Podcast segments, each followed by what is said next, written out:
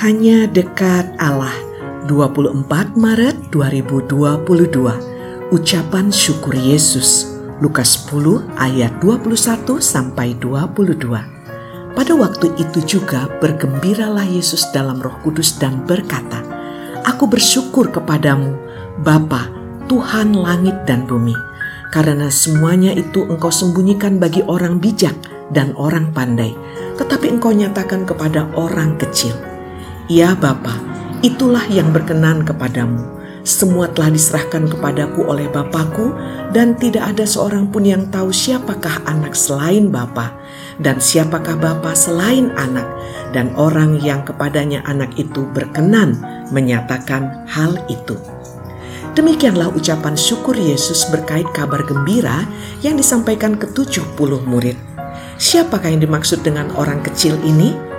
Dalam Alkitab Bahasa Indonesia masa kini tertera, Bapa, Tuhan yang menguasai langit dan bumi, aku berterima kasih kepadamu karena semuanya itu engkau rahasiakan dari orang-orang yang pandai dan berilmu, tetapi engkau tunjukkan kepada orang-orang yang tidak terpelajar. Alkitab Bahasa Indonesia masa kini menggunakan istilah orang-orang yang tidak terpelajar. Tentu mereka bukan orang bodoh, hanya tidak menjalani pendidikan formal Nah, kadang orang yang menjalani pendidikan formal dalam banyak budaya dianggap pandai dan bijak, sebab mereka memiliki pengetahuan. Masyarakat acap menganggap kecil orang yang tidak berpengetahuan. Tak heran juga jika banyak orang yang tidak sekolah menganggap diri mereka kecil. Yesus menyatakan kepada orang yang dianggap kecil itulah Bapa menyatakan maksudnya. Tentu tidak berarti bahwa orang berilmu tak akan mampu memahami maksud Allah. Namun, kadang pemilik ilmu pengetahuan merasa diri sudah pandai sehingga sulit memahaminya. Kerendahan hati mutlak diperlukan di sini. Juga sikap terbuka sebagaimana orang kecil.